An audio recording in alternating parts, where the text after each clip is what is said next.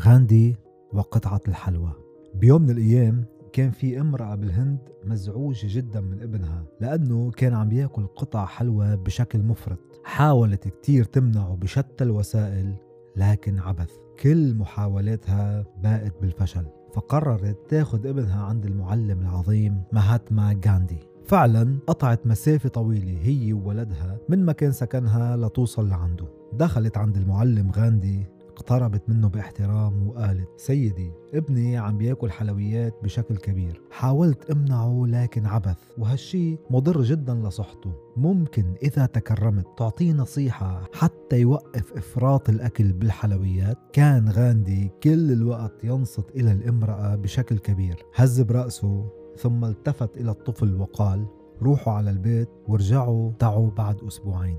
استغربت الأم من تصرف غاندي ليش أسبوعين؟ ليش ما أعطاه أي نصيحة فورا؟ معقول غاندي شاف إنه هيدا أمر سخيف وبيتحمل الانتظار أسبوعين؟ لكن لقلة حيلتها ما كان عندها أي خيار إلا إنها تنطر أسبوعين مثل ما أمر غاندي فعلا بعد أسبوعين من الانتظار أخذت الأم ولدها وشدوا الرحال مرة أخرى عند المعلم غاندي اقتربت الأم باحترام وقالت له سيدي من أسبوعين جيت أنا وولدي لأن عنده مشكلة بأكل الحلويات لكن قلت لنا رجعوا بعد أسبوعين. تتذكر؟ قال لها غاندي طبعا أنا اللي متذكر.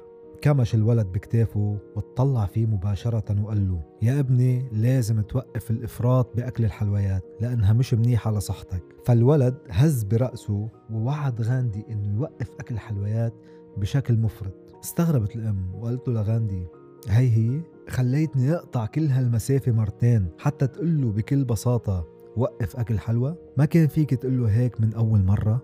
ابتسم غاندي وقال لها من أسبوعين كنت أنا بنفسي عم باكل حلوى بشكل كبير وكان من المستحيل أنه أعطي ابنك أي نصيحة قبل ما أعرف شعور العيش بدون حلويات. فصار لي أسبوعين كاملين ممتنع عن أكل الحلوى حتى أقدر أعطي ابنك هالنصيحة. غاندي كان دائما مثال للقائد الفعلي. كان ما يعطي نصيحة إلا ما يكون فعلا متأكد منها. بمعنى آخر he was leading by example. كم شخص بحياتنا ما بيعرفوا يعملوا أي شيء إلا إنهم ينظروا علينا. كم رجل شاف زوجته متعبة بعد نهار طويل من ترتيب المنزل وقال لها كان فيك ترتب البيت بطريقة أسرع وأسهل كم شاب شاف لاعب كرة قدم أضاع فرصة اطلع بالتلفزيون وقال ليك كيف سدد لو أنا مكانه كنت سجلت الهدف على الأكيد كم شخص بحياتك إذا شافك عم بتحاول جهدك لتبني مشروعك ما بيقدم أي مساعدة فعلية بالعكس بينظر عليك فقط بيقلك لازم تعمل مشروعك بفكرة تانية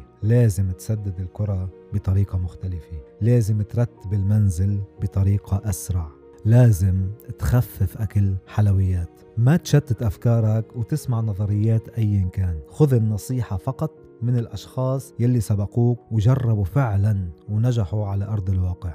وبنفس الوقت ما تعطي أي نصيحة نظرية مش مأكد منها حتى ما تشتت الآخرين. ولو كانت نيتك حسنة. خليك مثل غاندي وما تعطي نصيحة قبل ما فعلا توقف أكل حلوى.